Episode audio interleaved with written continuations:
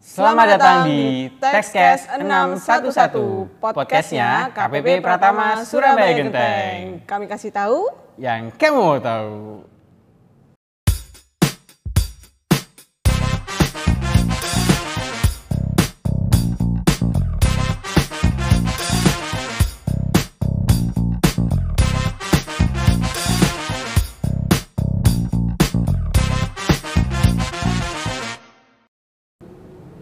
Oke Kak Dia, Textcast 611 kali ini memasuki episode baru nih Kak Dia. Oke, episode ke berapa nih Kak Afif? Eh, episode ke 6. Nah, oke. Angka 6 ini hampir mirip ya dengan kode KPP kita ya. 611 yang sama adalah angka 6. Nah.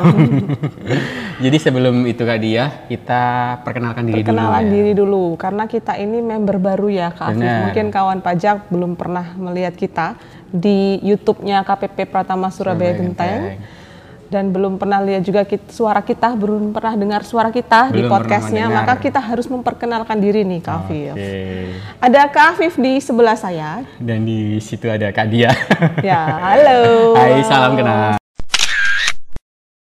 Oke, Kak Dia, untuk Textcast kita kali ini, Textcast 611 episode 6, Oke. kita ini mau bahas terkait pertanyaan-pertanyaan yang disampaikan oleh kawan, Kawan pajak, nih pajak. Kak Dia, benar. Jadi beberapa hari yang lalu kita, Kita- nge-share mengenai kita lempar tuh ya melempar umpan ya. Siapa yang dapat umpannya yaitu kawan pajak yang memberikan pertanyaan ke kami Melalui kolom chat. kolom chat ya. Kolom komentar, Komentar Instagram, Instagram. pajak SBY Genteng. Ya, betul. Jadi Kak Dia, dari pertanyaan-pertanyaan yang sudah terkumpul di kolom komentar Instagram, Hmm. Dan DM Instagram ya. Nah, KPP Pratama Surabaya Genteng. Tersebutlah pertanyaan. Aduh kaget per- saya. Pertanyaan pertama. Oke, pertanyaan, Oke, pertanyaan, pertanyaan pertamanya adalah First question. Oke. Teng. Oke. Apa tuh pertanyaan pertama? Pertanyaan pertamanya ini secara garis besar mengenai pengajuan permohonan NPWP nih Kak Dia. Oke, Jadi, jadi, menanyakan bagaimana sih cara membuat NPWP, apakah bisa diajukan permohonannya secara online dan juga secara eh, ke KPP yang KPP. harus KPP gitu Kak Dia. Oke, kemungkinan yang tanya ini bisa jadi ini belum punya NPWP ya? Bisa Kemungkinan jadi. ya. Bagaimana caranya mungkin bingung gimana nih Kak cara daftarnya. Jadi menurut Per 04 PJ 2000 tahun 2020 pasal Hmm. 9 ayat 1, kawan pajak yang sudah memenuhi persyaratan subjektif dan objektif dapat melakukan pendaftaran NPWP secara online Secara dan online. juga secara manual, Manual. ke KPP sesuai dengan wilayah KTP kawan pajak di mana kotanya atau Kecamatannya ya, kecamatannya atau berasal ya. Lalu selanjutnya untuk pendaftaran tersebut juga diperlukan dokumen yang dipersyaratkan. Oke. Nah, di era yang serba milenial, eh milenial, elektronik gadget, ya, ya, gadget. kita lengkap banget. Saat ini, maka pastinya kita memilih untuk melakukan pendaftaran secara online ya, Kak Iya, Afif ya karena dirasa lebih efektif lebih dan efektif dan efisien. Kita bisa melakukan pendaftaran di mana saja, nggak perlu ke KPP sebenarnya ya. Terus gimana sih cara lapornya? Jadi cara lapornya, Cara pendaftaran. Oh iya sorry, cara daftarnya, maaf kawan pajak. Oke, gimana sih cara pendaftarannya Kak? Iya, untuk cara daftarnya kawan pajak bisa eh, ke laman irek.pajak.go.id. Kawan pajak bikin akunnya di sana. Kemudian langkah kedua kawan pajak mengisikan form pengajuan permohonan NPWP. Iya. Untuk tutorial secara lengkapnya nanti sama mimin kita yang cantik dan ganteng akan dimasukkan di dimasukkan ke link description box description gitu ya. box. Jadi kawan pajak bisa klik link tersebut untuk petunjuk lebih lengkap terkait pengajuan permohonan NPWP. Oke, selanjutnya adalah pertanyaan kedua. Apa itu?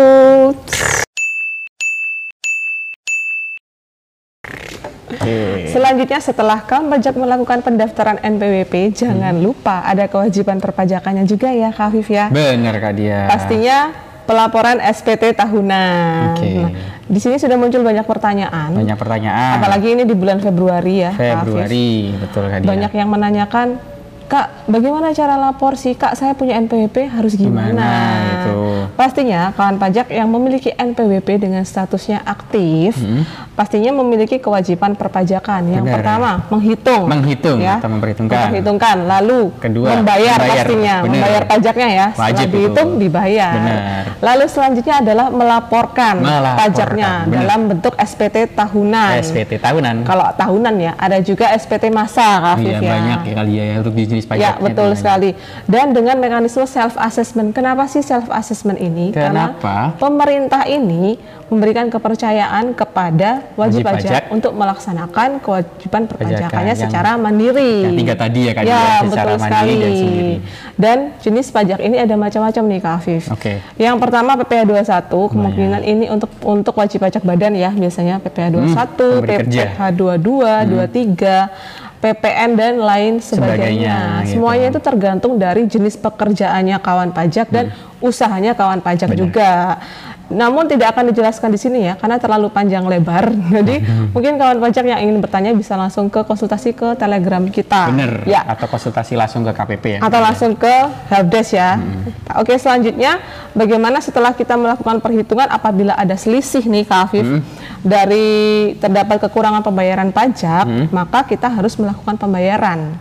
Apa itu namanya? Yaitu PPh pasal, Pasal 29.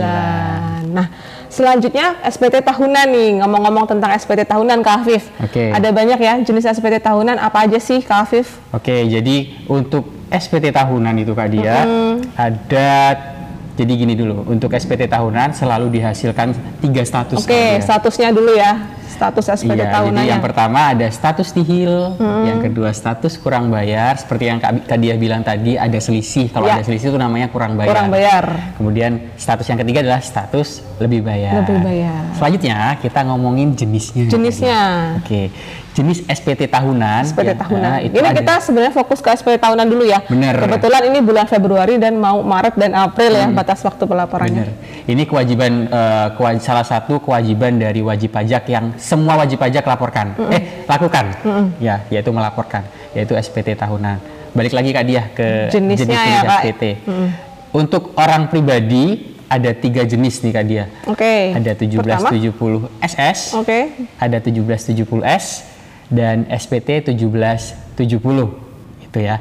Kemudian untuk badan eh, namanya formulirnya adalah formulir SPT tahunan 1771. Oke. Kemudian, nah dari SPT-SPT yang saya jelaskan tadi itu dalam melaporkannya wajib pajak ada jatuh temponya kawan pajak. pastinya Benar. ada jatuh temponya. Untuk SPT tahunan orang pribadi Orang dulu. pribadi. Oke, or- or- untuk orang pribadi jat- jatuh tempo pelaporannya adalah di akhir bulan ketiga setelah berakhirnya tahun pajak. Oke. Itu.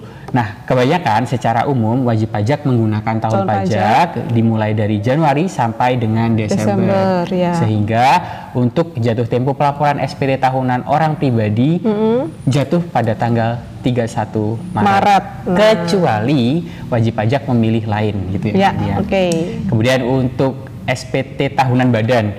Jadi untuk SPT tahunan badan ini jatuh temponya di akhir bulan keempat. Bulan keempat. Benar. Setelah berakhirnya tahun pajak. Secara umum juga wajib pajak ini menggunakan tahun pajak dimulai dari Januari sampai dengan Desember. Sehingga jatuh tempo untuk pelaporan SPT wajib pajak badan adalah jatuh pada tanggal 30 April. Kecuali lagi wajib pajak memilih lain gitu Oke, ya. jadi jangan lewatkan ya untuk batas waktu ini ya Kak Afif ya. Bener, karena tadi udah ada jatuh tempo jatuh temponya, maka dari itu kalau misalnya wajib pajak lupa, terlambat ya. lupa atau Lupa terlambat, atau terlambat lah. nah itu wajib pajak ada denda denda administratifnya nih kak dia. Untuk denda administratifnya nanti akan disampaikan oleh Direktorat Jenderal Pajak melalui surat tagihan pajak. Nah, jangan sampai ya kawan pajak dikirim surat tagihan pajak ke Bener. rumahnya, terus Eman. kaget loh. Saya dapat surat tagihan karena apa? Nah, itu nominalnya berapa nih Kak Kalau orang pribadi sebesar seratus ribu rupiah Oke. per tahunnya ya itu Lumayan. hitungannya tahunnya. Iya. Jangan sampai ya, sayang sekali loh seratus ribu itu bisa Lumayan. buat belanja ke supermarket ya. All you can eat All you bisa. can eat bisa ya Bapak Ibu kawan pajak. Jadi jangan sampai melewatkan untuk pelaporan SPT tahunan dan juga untuk denda keterlambatan SPT tahunan badan. Badan nah, berapa kalau ini badan? lumayan paling banyak juga ya, Gede. Afif. Gede Oke. lumayan. Sebesar satu juta rupiah. Satu juta rupiah, bukan hadiah ya. Iya, bukan Tapi kita bukan disuruh hadiah. bayar, Oke, jangan sampai melewatkan ya Kak. Afif. Satu Lapornya- juta itu lumayan loh. Benar, lumayan Hmm, bisa sekali. buat cicilan per bulan apa gitu ya Kak Dia ya. Oke, jadi jangan sampai terlewat ya Kakak Afif ya. Oke. Selanjutnya di era yang serba gadget ini ya, Hmm. DJP menyediakan layanan untuk pelaporannya yaitu melalui e-filing. E-filing, Kak nah, Dian. pelaporan SPT tahunan itu bisa dilakukan orang pribadi ya, enggak melalui e-filing itu Oke. dilakukan oleh SPT tahunan orang pribadi. Orang pribadi melalui e-filing. E-filing, Kak Dia. ya, Untuk betul. eh, ke e-filing itu kita pakai ke masuk ke mana nih Kak Dia? Oke, untuk masuk ke e-filing Hmm. kita maksudnya ke eh, laman djponline.pajak.go.id. Langsung bisa masuk? Hmm. Namun pastikan jangan lupa kawan pajak sebelum masuk harus punya namanya Evin kalau belum punya akun ya. Oh kalau belum punya akun, kalau misalnya baru newbie gitu ya. Baru Kak Dia? ya, heeh, itu, Itu harus, harus punya Evin namanya dulu. Evin. Oke. Nah, selanjutnya kita akan bahas mengenai apa Evin. sih Evin itu. Oke. Pertanyaan selanjutnya. Hmm, Oke, Oke, nah, pertanyaannya pertanyaan- apa nih Kak Alfif? Banyak sekali ya, lumayan nih yang muncul Hmm, pertanyaan. Ada yang bertanya terkait gimana sih kak kalau misalnya kita lupa password DJP online, terus Evin-nya juga lupa gitu kan dia. Kemudian password Evin itu beda nggak? Password sama Evin itu beda nggak sih Min gitu? Nah, ini dia. Dan banyak lagi Evin. seputar Evin nih kak dia. Evin Apa itu apa sih? Evin itu adalah Apa, Kak? kepanjangannya Electronic Filing, Filing Identification Number. Nah, itu merupakan nomor unik yang diberikan DJP kepada WP yang melakukan transaksi elektronik perpajakan. Benar. Nomor ini hanya boleh diketahui oleh wajib pajak sendiri ya, karena mengandung kerahasiaan dan menyangkut juga keamanan data wajib pajak. Nah, namun Evin ini juga ada yang belum diaktifasi nih Kak Afif. Belum, iya, Sebenarnya nomornya sudah ada, tapi Selalu belum ada. diaktifasi. Nah, untuk kawan pajak bisa melakukan aktivasi ke KPP terdekat atau KPP terdaftar. KPP terdekat atau KPP terdaftar Iya, itu untuk boleh. wajib pajak orang pribadi. Orang pribadi, khusus orang pribadi. Khusus Kalau orang untuk pribadi. badan Hmm. itu harus ke KPP Terdaftar, terdaftar. gitu nah, nih ya selanjutnya kalau misalnya lupa Evin gimana nih Kak Alvin? Kalau misalnya kawan pajak lupa Evin seperti yang Kak, Bi- Kak Dia bilang tadi untuk sama nih kalau untuk aktivasi bagi wajib pajak orang pribadi eh, dan juga wajib pajak yang lupa Evinnya bisa dilakukan di KPP terdaftar atau KPP terdekat. Oke. Tapi kalau untuk wajib pajak wajib pajak badan itu harus melakukan eh, mengajukan permohonan lupa Evinnya di KPP terdaftarnya Kak Dia. Oke, Atau kawan pajak juga bisa mengajukan permohonan lupa Evin melalui kering pajak di nomor 15000 200. Kemudian nih Kak Dia, untuk Evin yang sudah aktif ini ada fungsinya. Jadi Evin yang sudah aktif ini bisa digunakan oleh kawan pajak untuk melakukan eh, pendaftaran akun DJP online atau sign up. Atau juga kawan pajak yang lupa password itu bisa juga eh, Evin ini berfungsi sekali untuk melakukan reset password. Oke. Jadi jangan sampai kawan pajak kebalik kebalik balik. Aduh, ribet jadinya kan. Kebalik-balik. Nah, ini jadi kebalik balik-balik balik ya. kan ya. Jadi eh, password sama Evin itu beda. Beda. Evin itu adalah nomor yang diberikan oleh Direktorat Jenderal Pajak. Hmm, nomor ya. Nomor itu nggak akan berubah sampai kapan pun. Nomornya Kayak- tetap. Jadi kawan pajak kalau sudah dapat nomor Evin disimpan baik-baik, taruh dompet. Tapi kalau dompetnya hilang ya bingung ya kalau ya. Taruh pokoknya di tempat yang aman ya kawan pajak ya. Karena nomornya itu nggak berubah sampai kapan pun. Kayak cinta kapan pun. kepadanya. Iya cia iya iya. Asik. Oke. Lalu kalau password itu beda. Password itu wajib pajak yang bikin sendiri. Jadi Oke. bisa diubah-ubah gitu. Ya, baik.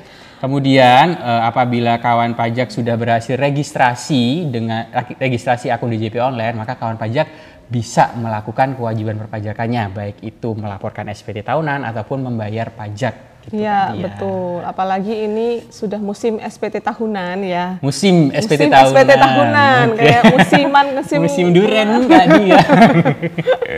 Jadi kawan pajak kalau Hmm. sudah punya Evin disimpan nomornya. Kalau lupa Evin ya sudah kami jelaskan Iya, yang tadi di ya. tadi Afif ya. Mm-mm. Oke. Oke, next kita lanjut ke pertanyaan selanjutnya. Ini dia. Next question nih Kak Afif. Ada pertanyaan toko online cara bayar pajak dan lapor SPT-nya gimana sih? Coba dijelaskan oleh Kak Afif. Oke, untuk cara bayar pajak dan lapor SPT tahunannya bagaimana untuk toko online ya? Ya. Kita identifikasi dulu nih Kak Dia. Nah, mungkin untuk bayarnya kita mundur satu langkah yaitu tentang cara perhitungannya. Jadi kita identifikasi terlebih dahulu untuk toko online ini terkait peredaran brutonya Kak Dia. Peredaran brutonya. Peredaran brutonya ini sampai dengan 4,8 miliar atau belum selama satu tahun. Nah, apabila dalam satu tahun omsetnya atau peredaran brutonya sampai dengan 4,8 M dan menggunakan skema PP pasar PP 23 tahun 2018, maka perhitungannya eh, untuk PPh terutangnya adalah dikalikan dengan setengah persen. Oke. Ya, nah PPh-nya ini bersifat final, Final. gitu Kak dia. Tapi eh, ini apabila wajib, eh, mohon maaf saya ulangi ya. Jadi untuk tahun pajak 2022 bagi wajib pajak orang pribadi yang omsetnya atau peredaran brutonya sampai dengan 500 juta Hmm. itu tidak dikenai PPh final ini Kak dia. Oke, jadi batasannya adalah 500 500 juta, ya, juta, Kak Afif. betul, Untuk Kak orang Dia. pribadi usaha.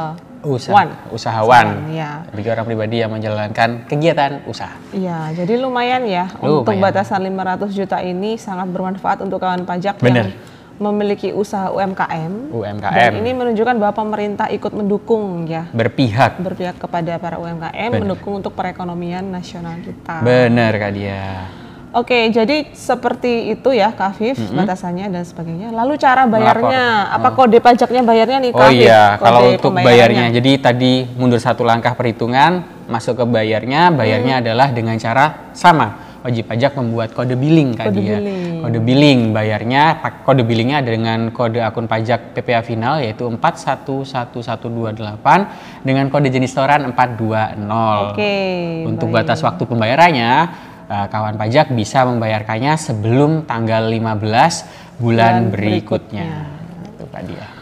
Oke, baik. Mungkin lapornya Kak Dia setelah itu. Baik untuk pelaporannya, Hmm. untuk kawan pajak yang memiliki usaha, pastinya menggunakan untuk orang pribadi ya, Orang pribadi Hmm. menggunakan SPT 1770.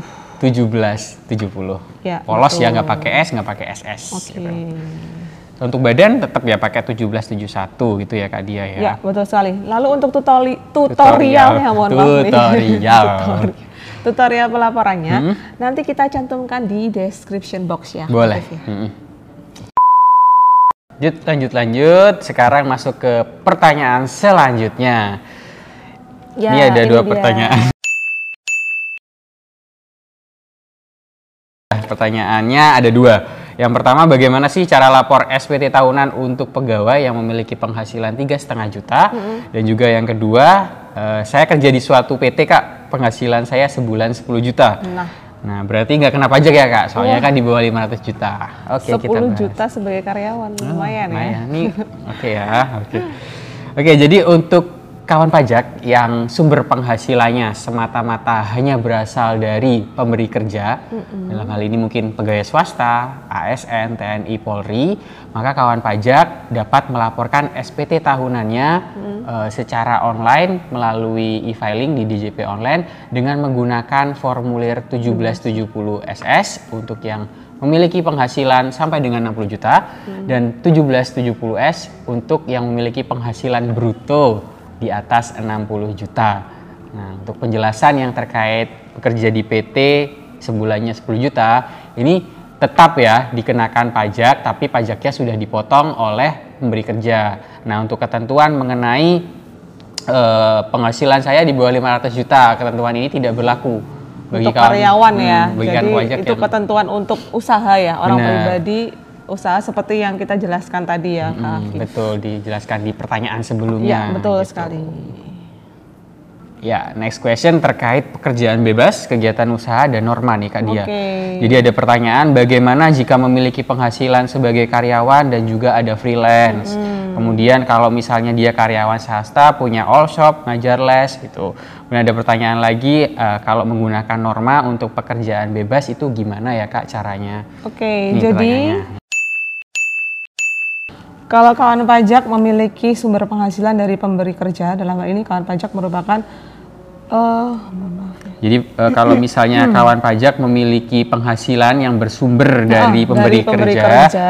dalam hal ini kawa- eh, kawan pajak merupakan karyawan sebagai ASN TNI Polri nih ya Dia ya atau pensiunan dan juga, juga memiliki penghasilan dari usaha atau pekerjaan bebas. Nah, di sini berarti kawan pajak melakukan pelaporan SPT tahunan menggunakan formulir 1770, 1770, ya. ya. Kecuali kalau memang dari pemberi kerja aja Hmm, itu pakainya semata-mata 1770 S S atau SS, SS. gitu. Nah, apabila kawan pajak juga memiliki penghasilan lain yaitu dari usaha ataupun pekerjaan bebas, maka pelaporannya menggunakan 1770 ya. Jangan salah ya kawan pajak ya. Oke. Nah, contoh pekerjaan bebasnya ini macam-macam ya Kak Afif ya. macam-macam. Seperti dokter nih. Pelukis, Kak Dia, pelukis. Nah, olahragawan, pengarang. Banyak. Banyak sekali ya kriteria pekerjaan bebas itu bisa dilihat di Per 17, 17 tahun 2015. Nah, ini para para orang pribadi yang melakukan yang sumber penghasilannya dari pekerjaan bebas, ini untuk penghitungannya Kak Dia itu kan pakai penghasilan itu ya. Ya, betul Jadi sekali. penghasilan itu itu eh, penghasilan bruto itu dijadikan penghasilan itu dulu. Nah, untuk menghitung penghasilan itu ini diperlukan norma. Nyambung ke pertanyaan yang tadi. Ya, tadi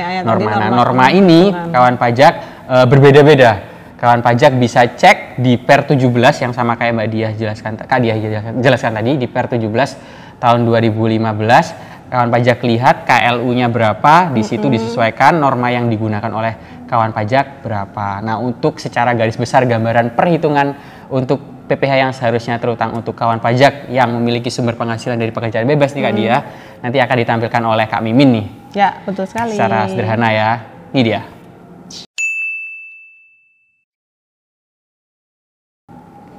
Nah, selain itu juga kawan pajak, apabila memang ingin menggunakan norma perhitungan penghasilan Penghasilan neto, neto. nah, kawan pajak harus mengajukan dulu nih ke Afif. Harus diajukan dulu ya Kak Dia. harus, kalau nggak gitu nggak bisa pakai norma Misal, nih. misal Kak Dia, ini tahun 2023 kan lagi berjalan nih. Mm-mm, Saya juga mau 2023. lapor. Hmm, misalnya saya sebagai olahragawan mau pakai eh, untuk laporan tahun 2024 Olahragawan, nanti. cocok nih ke Afif. Mm. Iya, olahragawan. cocok.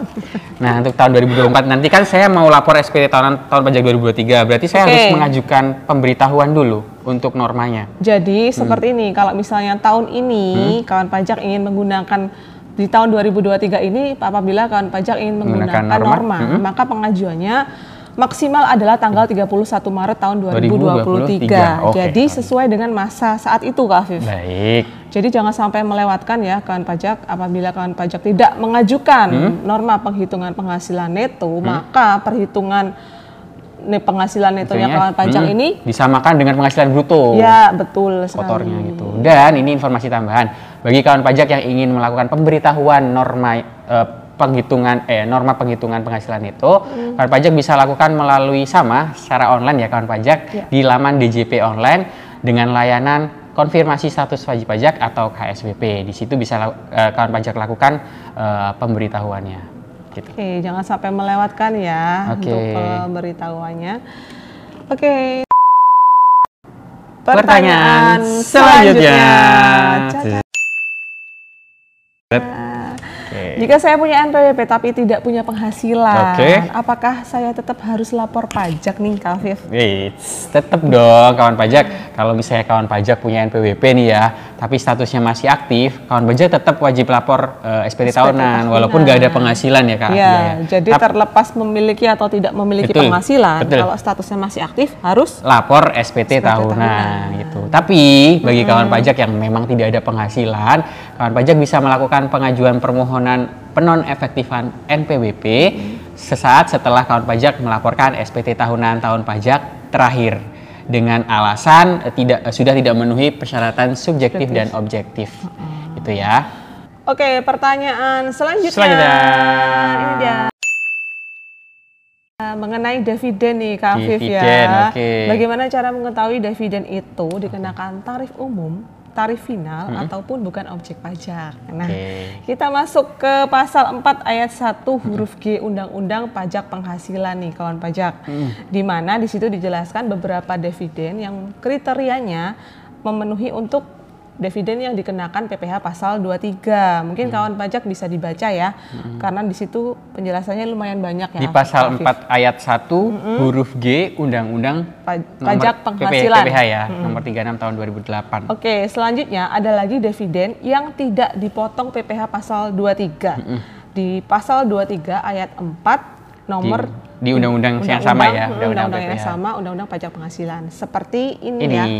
Untuk kriterianya dividen yang tidak dipotong, Dipotong PPh pasal 23. Lalu kita sekarang mungkin agak fokus juga ke dividen yang diterima oleh orang pribadi ya, Kak. Afif ya. Di mana di situ untuk dividen yang tidak dipotong PPh pasal 23 Benar. ada dividen yang diterima orang pribadi. Orang pribadi. Yaitu dikenakannya adalah PPh pasal 4, Empat ayat ayat 2 yaitu PPh final. Final. Nah, Berapa persen Pak dia? 10 persen Kak 10%, Afif.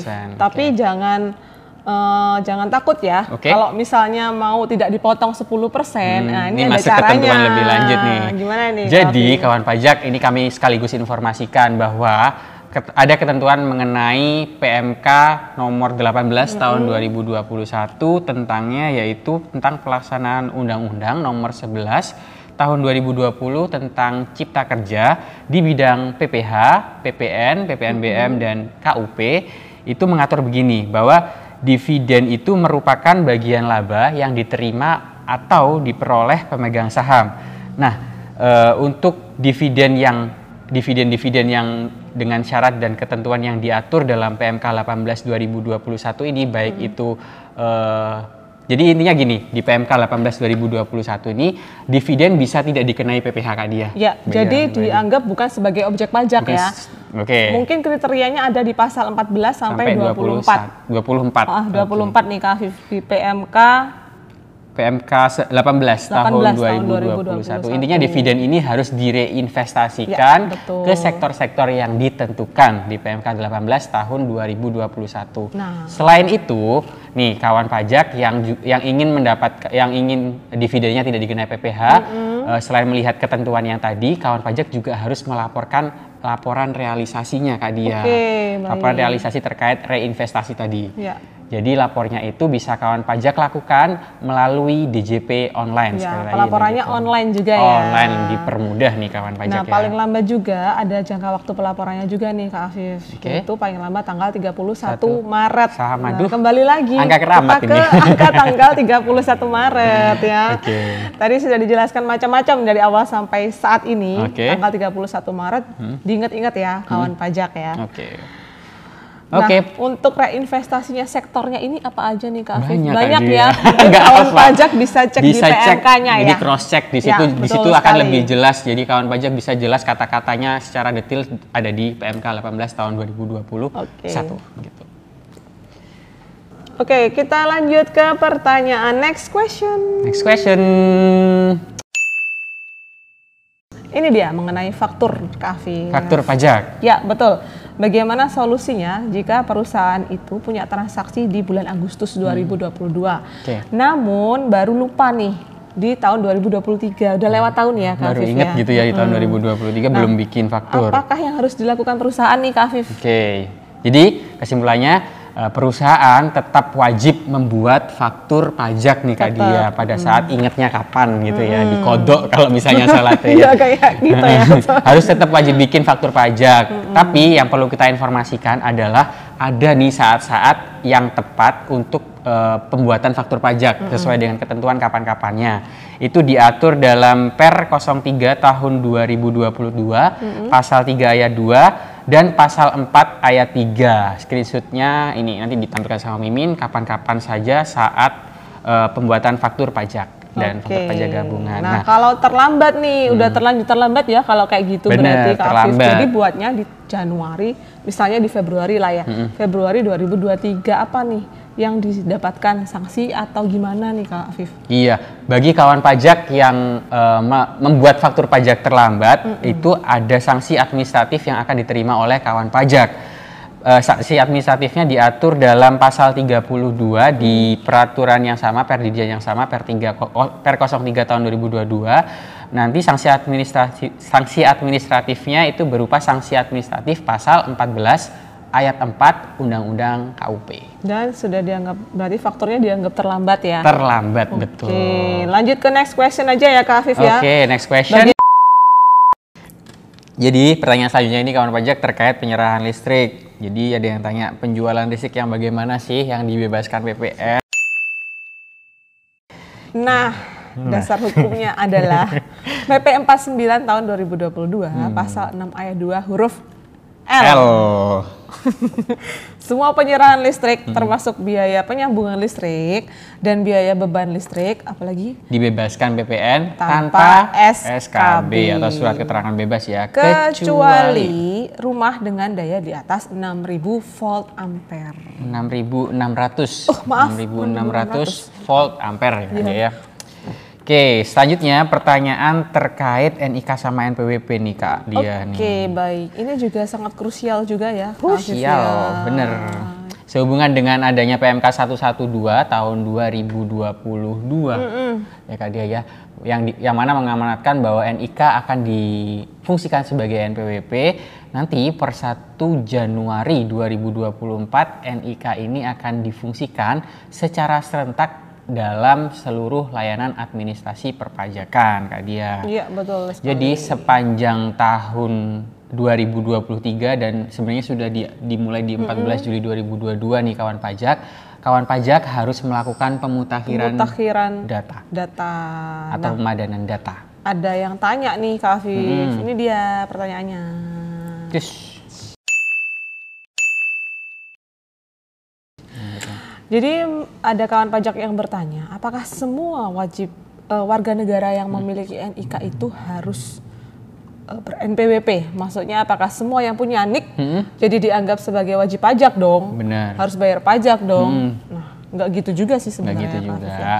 Karena untuk eh, wajib pajak kawan pajak yang memenuhi persyaratan subjektif dan objektif itu baru diwajibkan Baru- untuk memiliki NPWP atau untuk ke depannya jadi NIK-nya itu diaktifasi menjadi NPWP gitu ya Kak? Baru NIK-nya bisa difungsikan sebagai NPWP. Iya betul. Nambah lagi nih Kak Dia, tadi mau nambahin terkait adanya ND, nota dinas dari kantor pusat Direktorat Jenderal Pajak nomor ND 1115 tahun 2022. Nah, tadinya kan di Per 112 tahun 2022 ini diamanatkan bahwa wajib pajak harus melakukan pemutakhiran data atau pemadanan data sampai dengan nanti tanggal 31 Desember. Nah, berhubung adanya ND ini, ND ini ter eh mohon maaf. ND ini itu terkait percepatan Oke. dalam rangka implementasi NIK sebagai NPWP. Percepatan pemutakhiran data dalam rangka eh, difungsikannya NIK sebagai NPWP. Jadi berdasarkan ND ini dipercepat nih kawan pajak orang pribadi ya penduduk Indonesia untuk segera melakukan pemutakhiran data atau pemadanan data.